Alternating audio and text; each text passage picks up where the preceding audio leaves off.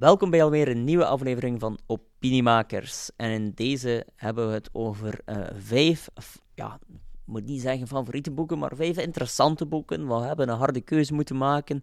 Uh, gecombineerd uh, hebben Kevin en ik zelf uh, waarschijnlijk meer dan 200 boeken gelezen over psychologie, waar dat er wel, voor alle duidelijkheid, heel veel overlap tussen zit.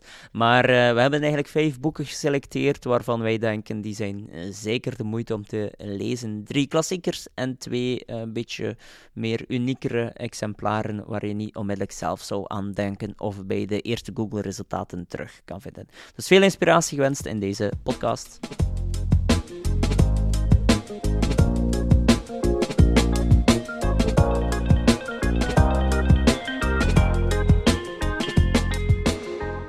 Kevin, we hebben uh, ondertussen al uh, ja, heel wat podcasts opgenomen, waarbij dat we eigenlijk wel vaak refereren naar, uh, naar ja, theorieën, papers, mm -hmm. auteurs. Vandaar dat het misschien eens een, een goed idee is om onze top 5 boeken uit onze sector eens, uh, eens op te noemen. Hè. We hebben zelf elke een paar boeken genoemd en we hebben dan eigenlijk een, eh, een hardcall uh, gemaakt mm om eigenlijk er vijf te selecteren, waarvan ik denk drie standaard klassieke werken en misschien twee zo wat, wat hoe zeg je dat, hidden, hidden gems. gems. Ja, inderdaad. Vooral uit de persoonlijke collectie. Ja, ja, voilà. Dus laten we misschien starten met de klassieke, een van de klassiekers. welke zou je dan noemen, Kevin? Zonder twijfel Daniel Kahneman met Thinking Fast and Slow. Het, het standaardwerk als het gaat over onbewuste ja, denkprocessen en, en en nudges, hè. En nudges, ja, inderdaad. Ja, het zijn niet echt nudges, nudges, maar het is wel een stuk... Uh, ja, veel van, van de technieken worden, worden wel op zijn werk, of ja, op zijn werk. Het is niet enkel zijn werk, hè, maar op wel, uh, wat het er ook in mm. onder andere het boek staat, uh, gebaseerd. Nu, iets, ik, ik stel dan vaak... ik stel vaak die vraag in, in mijn workshops. Ik, ik, stel, ik toon dan inderdaad die drie boeken dat we straks gaan noemen. En we gaan nog geen geen uh, spoilers uh, verklappen. Mm. Het is een cliffhanger voor verder te luisteren. Maar uh, ik stel vaak die vraag van wie heeft die boeken al gelezen. En af en toe bij, bij Daniel Kahneman zie ik, allee, zie ik toch wel af en toe wat handen in de lucht mhm. gaan. En dan vraag ik aan de mensen van wie heeft het boek in uh, één keer uitgelezen of wie heeft het boek uh, helemaal uitgelezen. En dan zie ik echt zeer zelden alle mhm. handen in de lucht gaan. Uh, want het is echt wel een verschrikkelijk boek. Hè. Ja, het is, het is heel, heel droog. Echt ja, het is enorm droog geschreven. Het is echt niet leuk om te lezen. Je, je, je, moet je er echt aanzetten. Mm Je, moet echt, je moet je er echt aanzetten. Het is niet zo'n boek waarvan je denkt van ik ga dat nu eens lezen, inspireren, mhm. Het is super interessant, dat wel uiteraard. Maar het is niet voor om te zeggen van, oké, het leest vlot. Het is echt... Ja, ik, uh, ik, had hem ooit eens ge... ik ben er ooit in begonnen op vakantie op strand en uh, mijn vakantie was om zeep. Dus Wat op zich ook weer frappant is, omdat eigenlijk in zijn boek uh, gaat het ook over systeem. de essentie van zijn boek is systeem 1 en systeem mm -hmm. 2 denken. ik zeg dan vaak ook al zo'n beetje om te lachen van wetenschappers zoals ze zijn, creatief -hmm. zoals ze zijn, hebben er een hele creatieve naam voor bedacht. Is systeem 1, systeem 2. maar hij, hij, hij zondigt wel een beetje, vind ik, in het, in het schrijven schrijfstijl aan zijn eigen technieken. Hè, mm dat hij altijd waar dat hij veel onderzoeken ook noemt, hoe, hoe, belangrijk het is om het makkelijk te maken. Uh, ja, dan denk ik dat hij zelf misschien wel het had makkelijker kunnen maken soms. Mhm, ja, inderdaad. Maar uh, al bij al een, een klassieker mhm. en uh, een noodzakelijke om toch wel in ons, in ons mhm. domein te noemen. Hè. Maar moeten daar misschien ook, zoals altijd, eh, wat kritisch over zijn. er zijn ook wel vele van de experimenten of onderzoeken die je noemt, zijn ook wel al. Uh, goh, ik kan niet zeggen dat ze het tegendeel bewezen hebben, maar zijn iets, soms iets moeilijker te repliceren. Mhm, en we hebben dat ook al in een vorige podcast gezegd dat dat heel contextafhankelijk is, mm de technieken, zeker als het gaat over psychologie. Maar uh, ja, er is wel soms wel wat kritiek op, op zijn boek, ja. En uh, wat, is, wat is het volgende boek in de lijst, Reinhard? Het volgende boek dat ik hier heb uh, liggen is, uh, ja, voor mij, ik, ik, denk in de rij van boeken die ik heb gelezen over psychologie. En, mijn allereerste boek ging over de psychologie van de non-verbale communicatie, maar ik denk dat dat een van de eerstvolgende boeken was rond psychologie, is het boek van Gialdini, Influence. Mm -hmm. Ja Uh, uit mijn hoofd, ik denk ook uit 1984. Uh, jaren 80 alles. Ja, ja, ik denk 84 of 86 uit mijn hoofd. En uh, ja, hij heeft eigenlijk uh, zes technieken in kaart mm -hmm. gebracht. De zes technieken. Hij heeft er later nog een zevende techniek aan toegevoegd. En heeft dan later ook nog een boek geschreven, Persuasion. Mm. Al dat ik met zijn tweede boek, Persuasion, eerder het gevoel had dat hij... Ja, let op, ik zeg het oneerbiedig, hè, wat dat zeker niet bedoeld is, maar... En zou ik nog maar aan zijn enkels kunnen komen, hè, zou ik al blij zijn, uiteraard. Maar zijn tweede boek, Persuasion, vond ik net iets te veel uitmelken van zijn, mm van zijn naam. Het is, het, is niet dezelfde, het is niet hetzelfde standaardwerk als zijn eerste boek. Mm Dus uh, als mensen Gialdini opzoeken, ik denk dat er een, uh, een drietal, uh, drie wat, goed, heel goed verkochte boeken zijn, waar hij dan bij, zijn, bij het tussenboek co-auteur was. Maar... Um, hij, gaat in zijn eerste boek, dus die zes technieken, gaan zeer, zeer, zeer op een zeer praktische, pragmatische manier gaan toelichten. En we hadden het daarnet over uh, Daniel Kahneman. Terwijl uh, ja, dat het niet zo vlot leesbaar is, dan vind ik, vind ik Influence van Cialdini zeer vlot mhm. leesbaar. Ik heb het uh, zeer, vlot, zeer snel uitgelezen, omdat het ja, heel concreet is, heel toepasbaar, heel veel bekende of zo, toch ja, toegankelijke voorbeelden.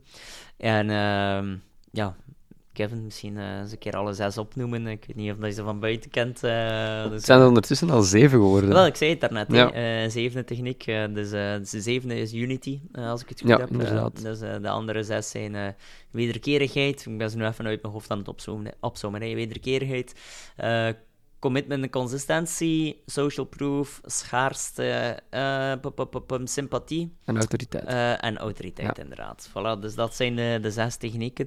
En dat is ook wel iets wat wij zien in de, in de praktijk, die eigenlijk wel nog altijd heel, heel, heel hard steek mhm. houden als we optimalisatietrajecten doen voor bedrijven.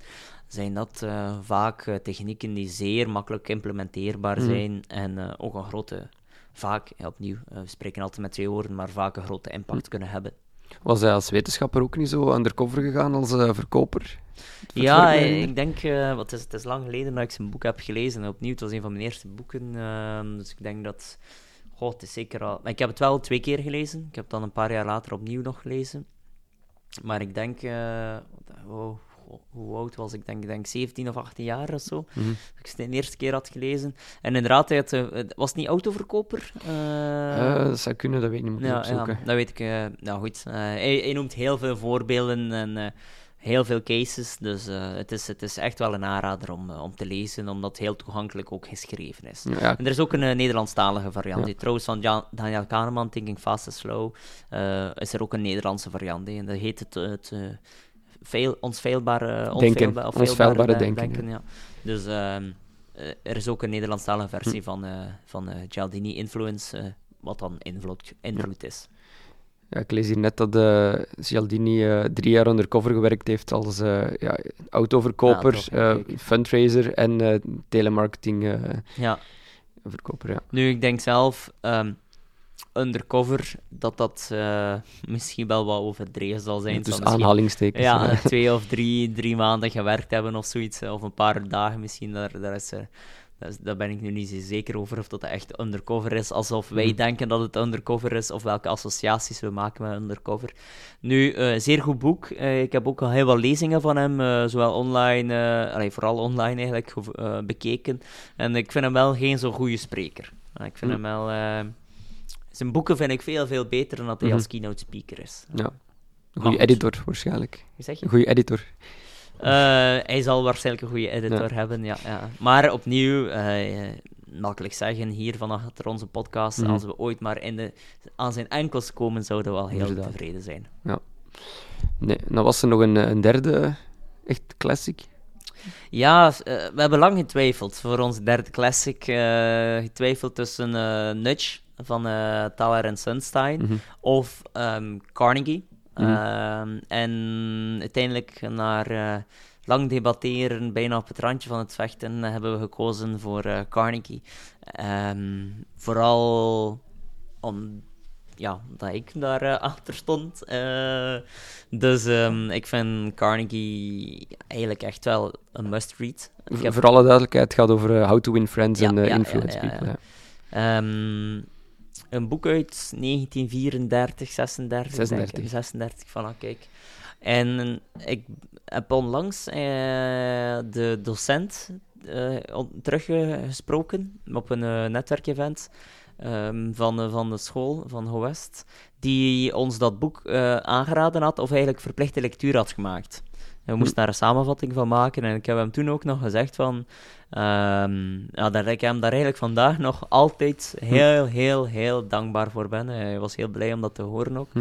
Maar eh, ja, het is nu wel uit het curriculum gehaald, omdat de commissie had gezegd dat het een te oud boek is. En Waar ik echt compleet eh, waanzin vind Hm. en helemaal niet mee eens ben omdat het, eh, ondanks dat het inderdaad een boek is uit 1936 is, is het gewoon een supergoed boek. Mhm. Het is gewoon, ja, veel mensen zeggen dat is gezond boerenverstand. Hè. Het gaat gewoon Mhm. over gezond boerenverstand en eh, over menselijke regels, of over regels waar je gewoon van mens tot mens. Mhm. Iedereen weet dat je zo moet zijn, maar het is.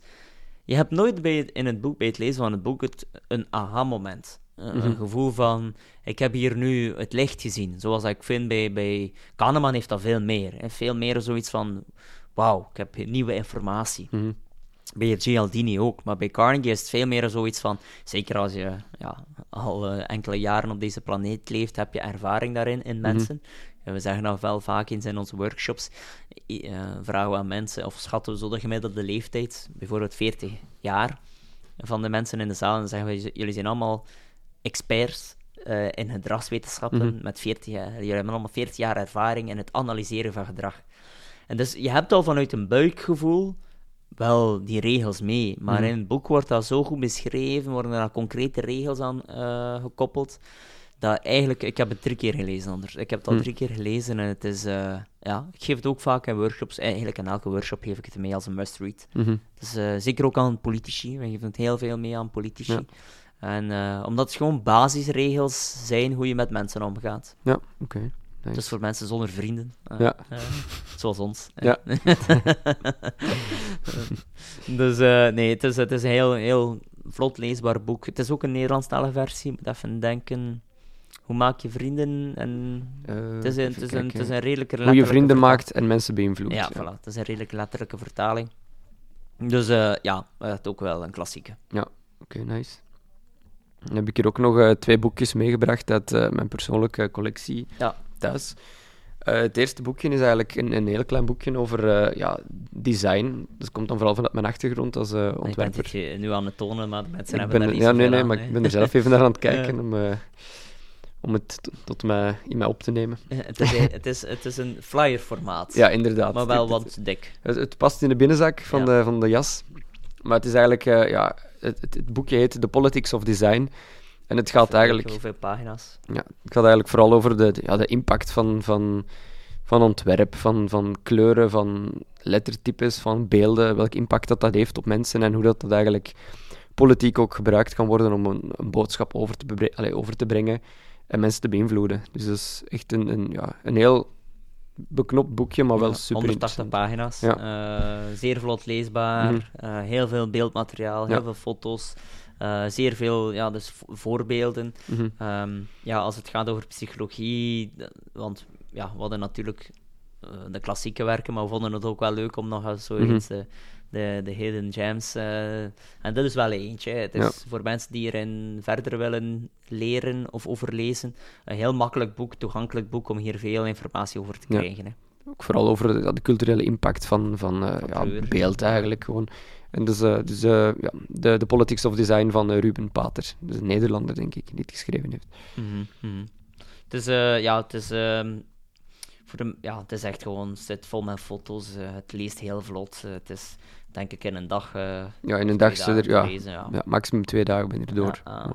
Dus eh, het geeft eh, vooral een beeld over cultuur. Mhm. Cultuur en eh, wat we ook al gezegd hebben, hè, dat dat ook een grote impact heeft, de Mhm. context.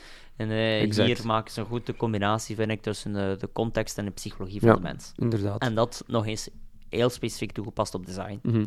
Wat het dan weer interessant maakt Ja. door die niche. Uiteraard. En als laatste boek heb ik ja, nog een boek, een van mijn favoriete boeken eigenlijk, dat ik ja, jaren geleden heb gekocht en dat eigenlijk mijn, mijn interesse in overtuiging wat heeft aangewakkerd. En dat is uh, The Age of Propaganda van uh, Anthony Pratkanis en Elliot Aronson. En dat is eigenlijk een, een ja, hoe moet ik dat eigenlijk zeggen? Dat is een, een combinatie van verschillende ja, onderwerpen omtrent uh, ja, persuasion. Dus dat gaat van de... de, de specifiek een propaganda context. Ja, propaganda. Maar het gaat eigenlijk van de impact van het nieuws tot uh, de impact van reclame, tot zelfs uh, secteleiders en zo, hoe dat zij mensen overhalen en overtuigen. Ja, dat staat er allemaal in uitgelegd en, en hoe dat politici speeches gebruiken om, om mensen te overtuigen en aan te spreken. En het is ook wel onderbouwd. Het is niet ja, zo'n analyse van, oké, het is niet een politieke analyse als, als de zelfverklaarde hoogintellectuele opiniemakers soms doen. Nee. Uh, maar het gaat, uh, het gaat echt, het is echt wel een onderbouwing. Hè. Nee, het is echt geschreven door twee sociaal psychologen ook. Ja, en ik denk dat er ook een heel hoofdstuk uh, gespendeerd is aan de inzichten van Cialdini. Dus dat is eigenlijk ja, op een andere manier gewoon uitgelegd. Maar dat is deels hetzelfde. Ja, zeker omdat wij in de, in de, de combinatie uh, politiek, psychologie en communicatie zitten, uh, is dit wel een boek dat daar perfect binnen past. Mm Want het gaat enerzijds over politiek, maatschappij, het gaat anderzijds dan ook weer over uh, psychologie en dan ook weer die communicatie. Dus dat is eigenlijk ja, de, een boek dat perfect past in, mm de, in, de, in de middel van waar we zitten. Ja, inderdaad. Dus uh, voor propaganda, by the way, we hebben ooit, of ik heb ooit een podcast opgenomen uh, mijn vorige podcast, dus uh, podcast Marketing en Verkiezingen, een podcast met, uh, met Paul van Damme. het was Paul van Damme, ik, even, ik, ben niet zo goed in namen, maar... dubbelchecken. Ja, ja kijk, Kevin is dan dubbelchecken. Maar het is ook een boek over propaganda in België. Als mensen geïnteresseerd zijn in propaganda, is zeker ook een, een aanrader. Ik zie Kevin ja, en Paul van Damme, inderdaad. Van Damme. We hebben er ook een, po een, podcast over gemaakt, dus mensen zo gerust even kunnen Spotifyen, als het alternatieve woord voor googlen, uh, naar uh, propaganda en uh, marketing en verkiezingen, dan zou je het wel normaal moeten vinden. En dat, dat boek het focust wel specifiek op het tijdperk Wereldoorlog 2, Interbellum, als ik het goed mm -hmm. heb. 34 tot 51. Voilà, 34 tot 51. En ja, het beschrijft het hele, het hele, allee, het hele tijdperk, maar hij start ook met een samenvattend of samenvattende hoofdstukken over, ja, over de algemene inzichten en algemene regels over propaganda. Hij heeft zo tien regels in kaart gebracht. Mm ik zou even moeten kijken wat die tien regels juist zijn. Ik ga hier uh, snel mijn gsm opengooien, want ik heb het daarnet uh, nog eens bekeken of dat, effectief, dat we daar effectief een blog over hadden. En we gaan die ook in de description mm toevoegen. En de tien regels waren, komen sowieso ook in jouw boek terug. Mm Dus hou het eenvoudig, herhaal, herhaal, herhaal. Wees consistent, roep emoties op, versterk het groepsgevoel dan het negatieve van, uh, van propaganda, creëren vijand. Mhm. Maak je eigen waarheid, stel je autoritair op en overtuig het hier en nu. En het laatste was richt je tot de massa. Ja. En de elfde zou kunnen zijn herhaal, herhaal mm herhaal. En misschien ook, ik heb nog een leuke, is uh, die Netflix-show. Uh, ah ja, inderdaad, ja. ja dus uh, How to Become a Tyrant. Ja, is, uh, een goede om mee te geven. Ja, ja is denk ik een zesdelige reeks over mm -hmm. tirannie en autoritaire regimes. En hoe ze eigenlijk ja, verschillende technieken gebruiken. En ik denk dat er ook één specifieke aflevering over propaganda is. Ik denk dat de eerste of de mhm. tweede aflevering is. Dus het is zeker ook de moeite voor naar te kijken als je hier meer interesse in hebt. Voilà, vijf boeken. Uh, drie klassiekers, hm. twee wat uh, meer of de niche. Ja, ja, niche inderdaad. En uh, we hebben een beetje uitgeweken ook. Netflix kun je ook zelf gaan bekijken. We gaan die ook nog op Instagram zetten, denk ik. Of we gaan die ook nog de foto's, fo ja, ja, voilà, dat iedereen ze kan er nog iets leuk van maken ook. Goed idee, Kevin. Uh, ik zie Robin uh, zuchten, uh, extra werk. oh nee, ze wijst naar Kevin. Dat mag je zelf doen. Dus bij deze volg onze Instagram ook, exposure.be. En wens je meer informatie, dan verwijs ik uiteraard graag naar www.exposure.be.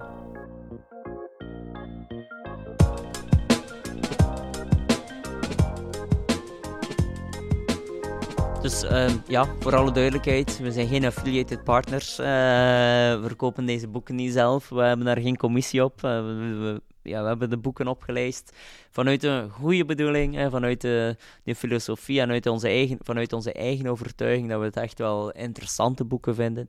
En uh, herinner, of ja, wees je er ook van bewust, als je er zelfs nog maar twee of drie hebt gelezen, dan weet je er al veel meer over dan de massa. Dus het is een kleine nudge, een micro-commitment, een easy nudge, om je misschien wel aan de slag te zetten, om er mee aan de slag te gaan en de boeken te lezen.